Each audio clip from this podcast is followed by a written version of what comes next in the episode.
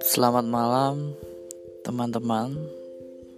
Selamat mendengarkan podcast dari saya, Asa. Nah, ini kita akan membicarakan tentang perjalananku saat liburan semasa mahasiswa. Ceritanya dimulai saat aku liburan semester 3 Liburan kali ini memang menghabiskan isi di otak karena bingung mau ngapain juga. Kalau dibuat kerja waktu waktuku habis untuk lelah. Kalau dibuat main yang habis pasti uang. Tapi badan jasmani itu seneng. Akhirnya saya memutuskan untuk liburan. Berhubung uang saku saya itu masih ada sisa. Ketika itu iseng-iseng langsung kepikiran temanku. Satria namanya, dia mahasiswa dari salah satu universitas ternama. Tentu semua tahulah. Universitas Gajah Mada. Yap, saya akhirnya ke Jogja. Persiapannya hanya tiga hari.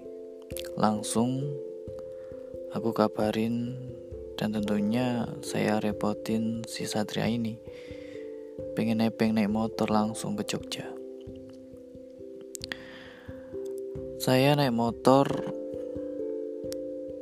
berboncengan dengan Satria. Ada satu lagi kakak tingkat namanya Diki. Dia motoran sendirian. Uh, uh, saya nebeng sama Satria dan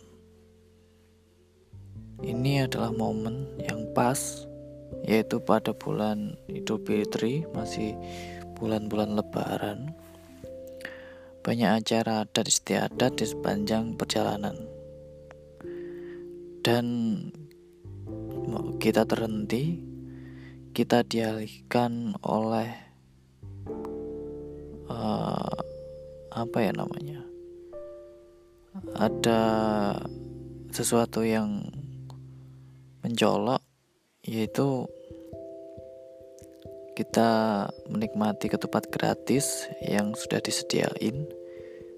Dan juga ada pawai lebaran sehingga kita berhenti dan terhambat tentunya. Itu posisi di Trenggalek masih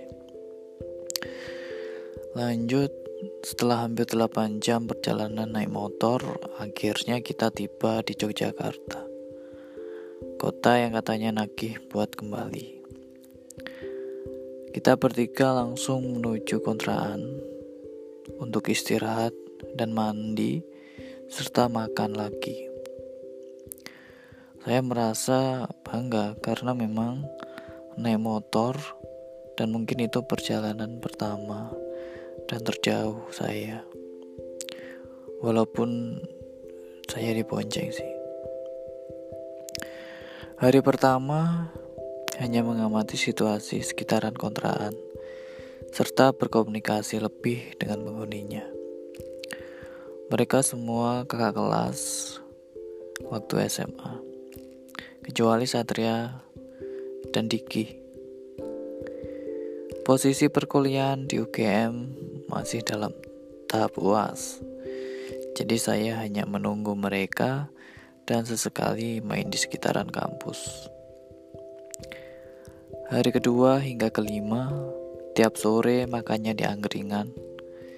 Diajak main ke sungai, ke candi, sampai ke pasar terkenalnya yaitu Malioboro dan saya berkesempatan untuk sembahyang lagi di Pura Jagannatha.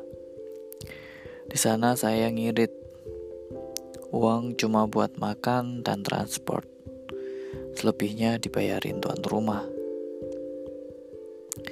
Nah, ketika di hari kelima, saya berencana bertemu dengan mantan doi. Tapi berhubung dia lagi sibuk dan sepertinya memang menghindar ya belum sempat ketemuan. Ya gak apa-apa lah. Akhirnya seminggu udah katak di Jogja Uang juga nipis, akhirnya saya pamit pulang naik kereta. Tamat.